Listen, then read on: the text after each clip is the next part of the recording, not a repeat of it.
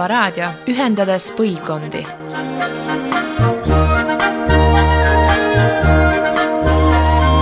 tere, head Tõrva raadio kuulajad, meil on täna väga eriline saade, sest meil on külas Eesti Vabariigi president Alar Karis, keda intervjueerivad Roosi Rahnu ja Mirtel Niinemets. tere tulemast Tõrva raadiosse! tere õhtust! esiteks on meil selline küsimus, et milline on teie seos Tõrva ja Valgamaaga?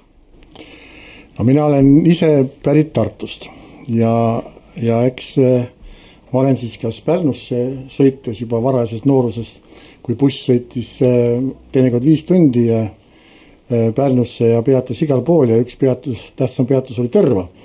nii et juba noorest põlvest saadik olen ma Tõrvas käinud. ja, ja Valgamaaga ega väga palju rohkem ka seost ei ole, kui Valgast olen läbi sõitnud selleks, et selle Riiga minna nii et äh, Tõrvas olen isegi võib-olla rohkem käinud kui, kui Valgas, sest sel lihtsal põhjusel jah, et siit äh, ta jäi ilusti jalgu ja oli nagu tore koht, kus ka peatuda. ka sel suvel ma käisin siin ja, ja enestasin, siin on mingi Läti nimega väike restoran, kus siis sai süüa. Te olete president olnud lühikest aega. mis on seni olnud selle ameti juures kõige üllatavam? no iga päev toob üllatust, nii et ma arvan, et äh, nii see peabki olema, eks täna on ju ka see üllatuste päev, kus ma olen päev otsa olnud siin Valgamaal ja ja jätkan siin lähedal olemist veel ka järgmisel päeval, nii et iga päev toob üllatusi, sõltumata sellest, kas sa oled kaks nädalat olnud president või kaks aastat.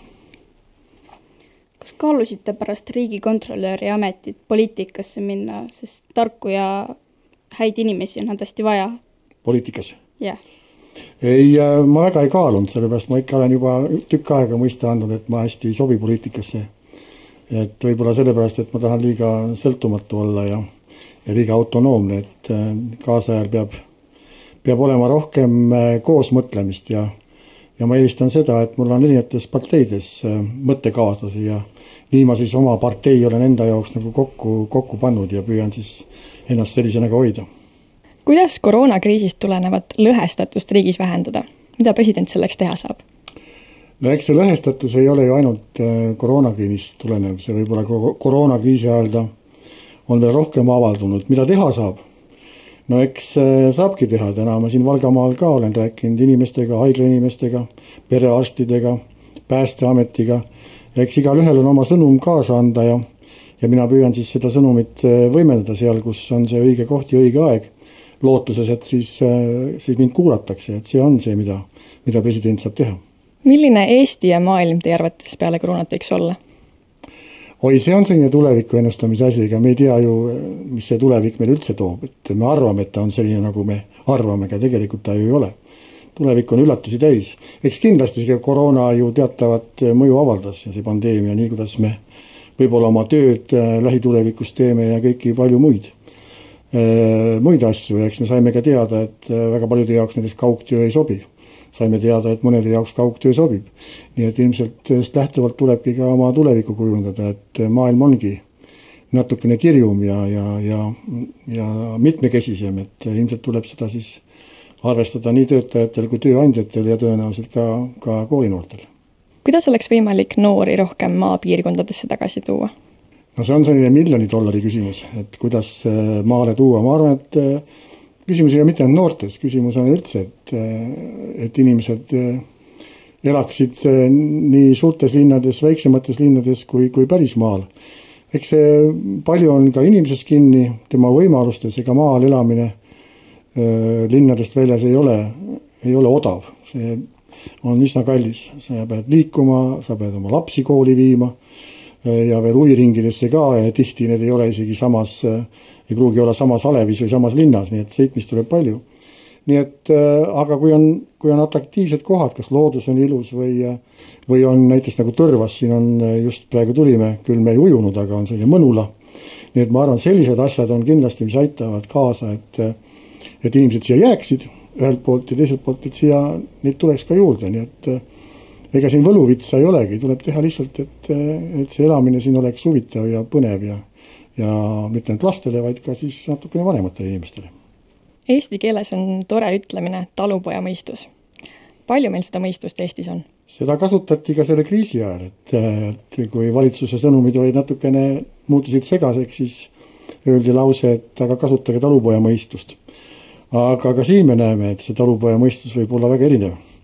et võib-olla see rõhuasetus on siis pigem selle talupoja peal kui selle mõistuse peal. et äh, aga tarkust ja, ja mõistust ja nutikust, ma arvan, on vaja ja ma olen ka presidendina püüdnud seda välja öelda, et ikkagi meie tulevik on selles, et me oleme, oleme, oleme tark rahvas ja, ja selleks tuleb siis natukene ka pingutada mitte ainult koolis, vaid ka pärast kooli ja, ja ka minuealised peavad ju kogu aeg midagi juurde õppima. aga mida teha, kui mõistust pole, aga talupoeg on? kui mõistust pole, siis sellel inimesel, kellel mõistust pole, temal on nagu lihtne elada, ma arvan. aga teistel on raskem. No eks siis tuleb äh, nendele, kellel täna võib-olla seda mõistust või ütleme siis teadmisi ei ole piisavalt, eks siis tuleb nendel, kellel on teadmisi, peavad rohkem pingutada, pingutama, et ka ka siis neile selgitada, kuidas maailm pöörleb ja, ja millised õiged valikud võiksid olla. kas teie hinnangul on noortel täna hariduses võrdsed võimalused? näiteks peame siin silmas riigigümnaasiumite tekkega seonduvaid hariduslikke ebavõrdsusi, eriti maapiirkondades. no kui ma vastan lühidalt, siis ei ole. Et eh, need on alati järgmine küsimus see, et mis siis teha, et oleks. et no siin Valgas eh, me näeme, on väga tore Valga gümnaasium, kus on väga palju pingutatud, et et need võrdsed võimalused oleks olemas nii äh, vene keelt kõnelevatel kui ka eesti keelt kõnelevatel lastel ja ja hea meel on see, et seal eesotsas on õpetajad ja direktorid, kes on väga entusiastlikud ja ja, ja valmis seda kõike, kõike tegema, nii et eks lõpuks ju taandubki see sellesse, millised on meil õpetajad ja kui head nad on ja kas neil on motivatsiooni seda tööd teha ja, ja eks me siis jõuamegi selleni, kas Eesti riigis on õpetaja hinnatud või ei ole hinnatud ja kas see hindamine seisneb ainult selles, et me paneme kümme eurot palka juurde või on see, on see natuke laiem küsimus? kui kohtute teiste riigipeadega, siis millised Eesti rõõme ja tugevusi te neile esimesena tutvustate? no eks need tugevused on meil ju kõigile teada, me oleme iseendale ennast selgeks teinud, kus on meie tugevused. kõik need digivõimalused, mida me siis äh, oleme siin rakendanud, mida võib-olla paljud teised riigid äh, ei ole teinud ja, ja eks me oleme ka PISA testide järgi ju äh, juba praegu üsna tark rahvas, ma ei mõtle rahvas, vaid need noored, kes on selle testi läbinud, on näidanud, et, et äh, me oleme seal maailma tipus. ja neid asju on veel ja veel, mis, äh, mida tasuks rääkida, aga alati tuleb silmas pidada, et mitte jääda nautima seda oma, oma edulugu ja vaadata korraks ka selja taga ja et järsku keegi on meist juba mööda läinud. ja siis tuleb seda edulugudega natuke ettevaatlikum olla kui teie esimene ametiaeg viie aasta pärast äh, lõpeb ja sellele perioodile tagasi vaatate, siis milliste saavutuste üle tahaksite uhke olla? no teeme niimoodi, et siis viie aasta pärast räägime sellest ja ma ütlen teile, mille üle ma uhke olen. eelmised riigipead on pidulikel üritustel kandnud rahvariideid. mis piirkonna rahvariided teie kannaksite ning kas teil on need olemas? mul on olemas, kuidas nüüd öelda, stiliseeritud rahvariided ja ma olen neid ka presidendi vastuvõtul kandnud aga no kus mul ikka neid valikuid väga on, ma olen Tartu poiss olnud ja aga eks mu esivanemad on pärit Kolga-Jaanist ja, ja teine ots, ots ulatab välja Tõrva kanti. isa on mul hoopis Tallinna külje alt.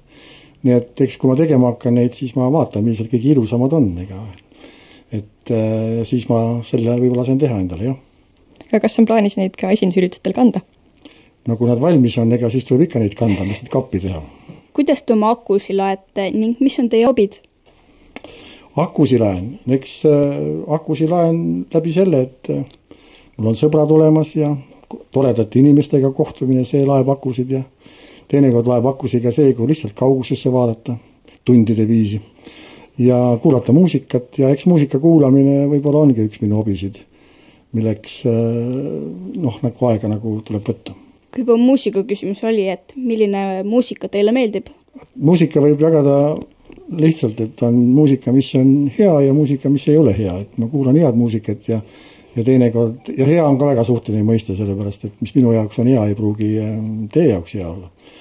aga see väga palju varieerub äh, meeleolust, see varieerub sellest, äh, kui vana sa oled, see muusika, mida ma kuulasin võib-olla isegi kümme aastat tagasi, võib-olla ei köida mind enam nii et äh, ja jumal tänatud, et see nii on, et saabki kuulata väga erinevat muusikat. Nii et äh, aga jah, paljuski, paljugi ma kuulan ikkagi sellist klassikalist muusikat ja ja teinekord ta mul ka taustal märgib, märgib, mängib, mis võib-olla ei ole, kui muusik kuulab, ta ei meeldi see mõte, et lihtsalt taustamuusikana on mingi väga hea, hea pala, aga üldiselt see on ka see, mis aitab mul mõtteid koondada, et kui raadios on palju loba, siis ma panen järgmise kanali peale, seal, kus loba on vähem ja on rohkem muusikat. Millise kirja kirjutaks Vabariigi President kahe tuhande kahekümne esimesel aastal jõuluvanale mm.? no eks ma jõuluvanale kirjutan ikka seda, et ta tooks meile tarkust siia mitme kotiga lausa. aga suur aitäh teile intervjuu eest ning soovime teile Tõrva raadio poolt edu väga vastutusrikkas ametis! suur aitäh teile! Tõrva Raadio, ühendades põlvkondi